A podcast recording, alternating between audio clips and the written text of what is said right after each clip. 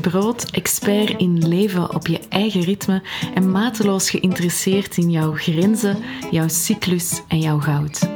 Ik help ondernemende vrouwen vertrouwen op zichzelf en in deze podcast geef ik antwoord op de vragen die in mijn coachpraktijk daarover het vaakst terugkomen. Samen zetten we je schuldgevoel opzij en ga je vol goesting en vertrouwen voor een droomleven op jouw ritme. Ik wil altijd iemand anders de schuld geven. Ik durf het eigenlijk niet goed te zeggen, want ik ben er niet trots op, maar het is wel mijn natuurlijke reflex. Wanneer ik me slecht voel, en dat kan gaan over verdriet, eenzaamheid, schuldgevoel, dan ben ik me ervan bewust dat mijn eerste neiging altijd is om iemand anders daar de schuld van te geven. Ik ben verdrietig omdat het niet goed gaat met mijn vader. Ik voel me eenzaam omdat het moeilijk is om dat verdriet echt te delen. Je hebt stukjes die je kan delen hè, met je broers die iets gelijkaardigs meemaken, met de vriendin van je vader die ook bezorgd is, met je partner die je vader heel goed kent. Maar het verdriet dat jij voelt is niet het hunne. Volgens Human Design is verbittering mijn go-to in moeilijke tijden en tot mijn schaamte is dat inderdaad wat ik voel. Ik heb de neiging om anderen de schuld te geven van mijn gevoelens. Dat ze zo weinig betrokken zijn, dat ze niet bellen, dat ze er niet naar vragen, dat ze er niet mee bezig zijn. Terwijl ik de volgende ochtend besef Oh ja, wat ik je vertel is echt een zeer kortstondige momentopname. Ik heb s'avonds opvallend meer last van dit soort melancholie, vooral als ik na bedtijd nog wakker ben.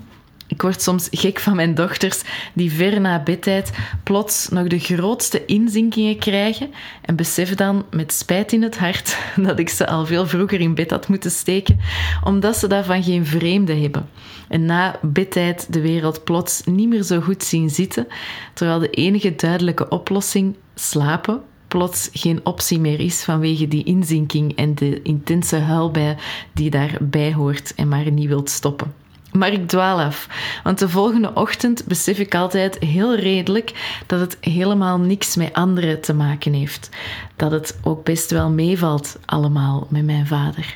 Dat het zelfs niet klopt um, dat anderen er niet voor mij zijn, want ik word supergoed omringd. Er zijn echt meer dan genoeg mensen bekommerd om hoe het met mij gaat. Wat er aan de hand is, is dat ik af en toe verdriet heb dat eruit wil. En iemand anders hoeft daar niks voor te doen of te laten.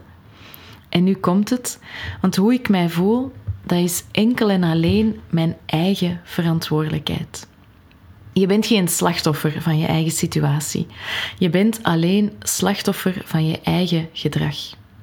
En voor alle duidelijkheid, soms ben je echt wel slachtoffer van een situatie. Er overkomt je iets wat je niet verwacht had, of er gebeurt iets wat je niet had zien aankomen. Iemand doet iets wat je niet fijn vindt. Dat overkomt je.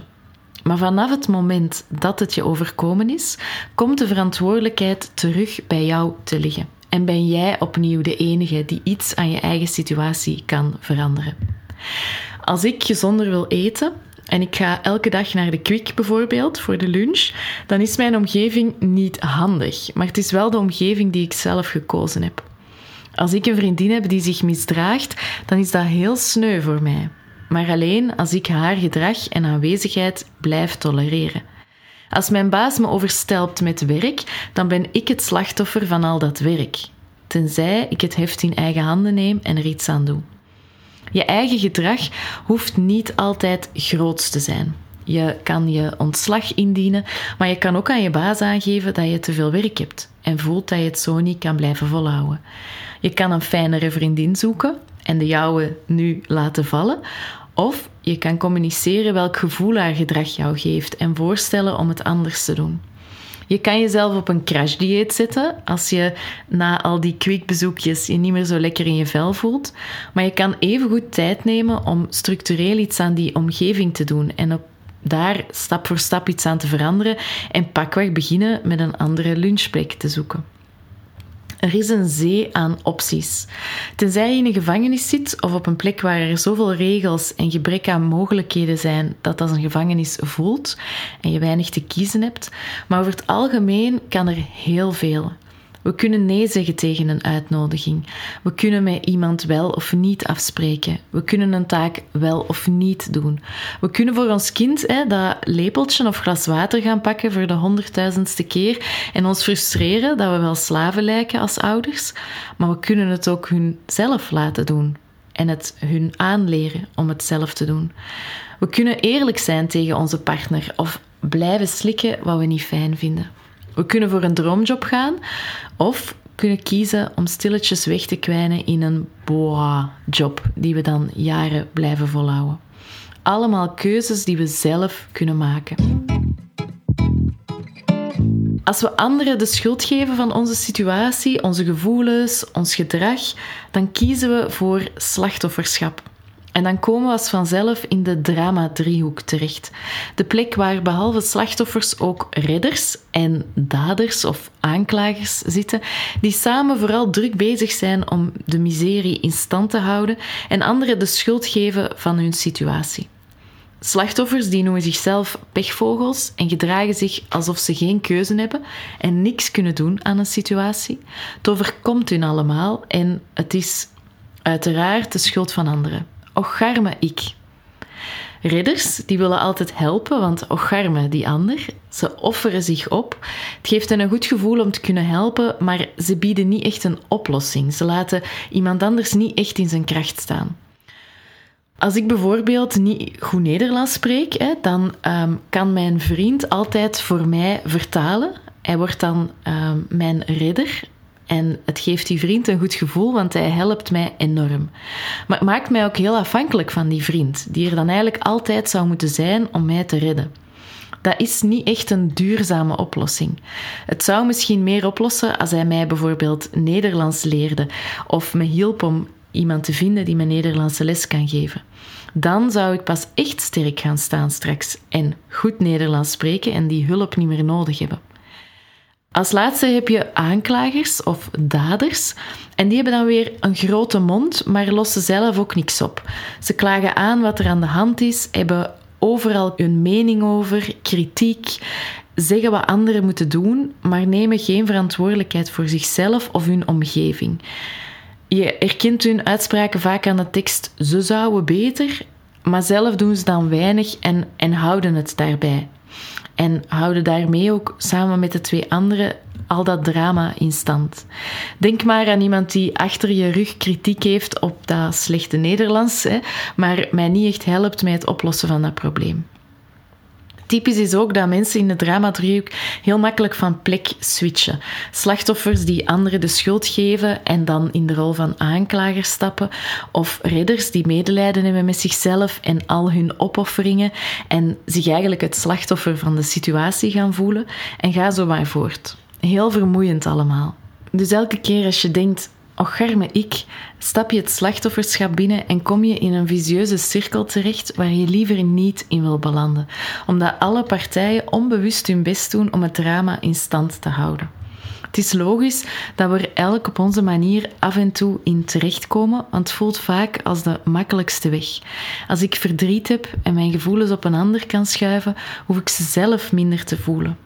Als ik me boos kan maken op iemand anders, kan ik heel even verdriet vergeten dat er eigenlijk achter zit. Als ik verwacht dat een ander mijn problemen oplost, hoef ik zelf niet aan het werk te gaan. Maar het geeft wel drama. Het maakt je leven niet fijner. Je wordt een poppetje waar anderen mee kunnen spelen.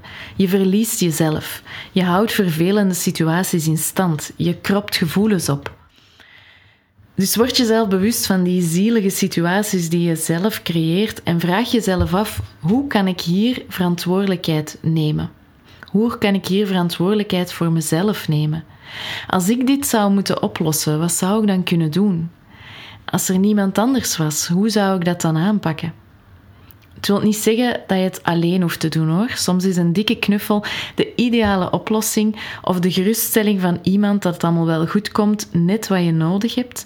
Betekent ook niet dat je je schuldig hoeft te voelen als je af en toe toch in die slachtofferrol verzeild geraakt, want dat is nu eenmaal de makkelijke weg en die neemt je brein nogal makkelijk, maar het lost niks op. Als je een fijner leven wilt, eentje waar je je niet altijd het slachtoffer hoeft te voelen, dan betekent het dat er op een bepaald moment werk aan de winkel is. Dat jij verantwoordelijkheid te nemen hebt. Dat jij bepaalt wat je nodig hebt, waar je aan mee aan de slag wilt. Dat je die moeilijke stap durft zetten. Dat je durft communiceren in plaats van te ondergaan. Dat je opstaat voor je rechten en je plichten, durft te voelen, te kiezen, te beslissen en de schuld niet meer op een ander schuift, ook al is dat vaak je eerste reflex. Dit was de aflevering van vandaag. Meer over wat ik doe en hoe we al wandelend aan de slag kunnen gaan, vind je op linskebrood.com. Je kan je mailadres daar ook achterlaten, zodat ik je op de hoogte kan houden van nieuwe podcastafleveringen. Ik ben altijd super benieuwd wat je van de podcast vond. Dus als er iets is dat je wilt delen, dan maak je me heel blij met een mailtje of een persoonlijk berichtje op Instagram. Vond je deze aflevering echt de moeite? Dan zou het helemaal geweldig zijn als je een printscreen neemt van de aflevering en op social media deelt waarom je anderen aanraadt om ook te gaan luisteren. Het helpt mij om meer warme, ondernemende vrouwen te bereiken en ik ben je daar nu al super dankbaar voor. Je bent goud waard en ik vind het heerlijk om je te zien stralen en onderweg je cheerleader te mogen zijn.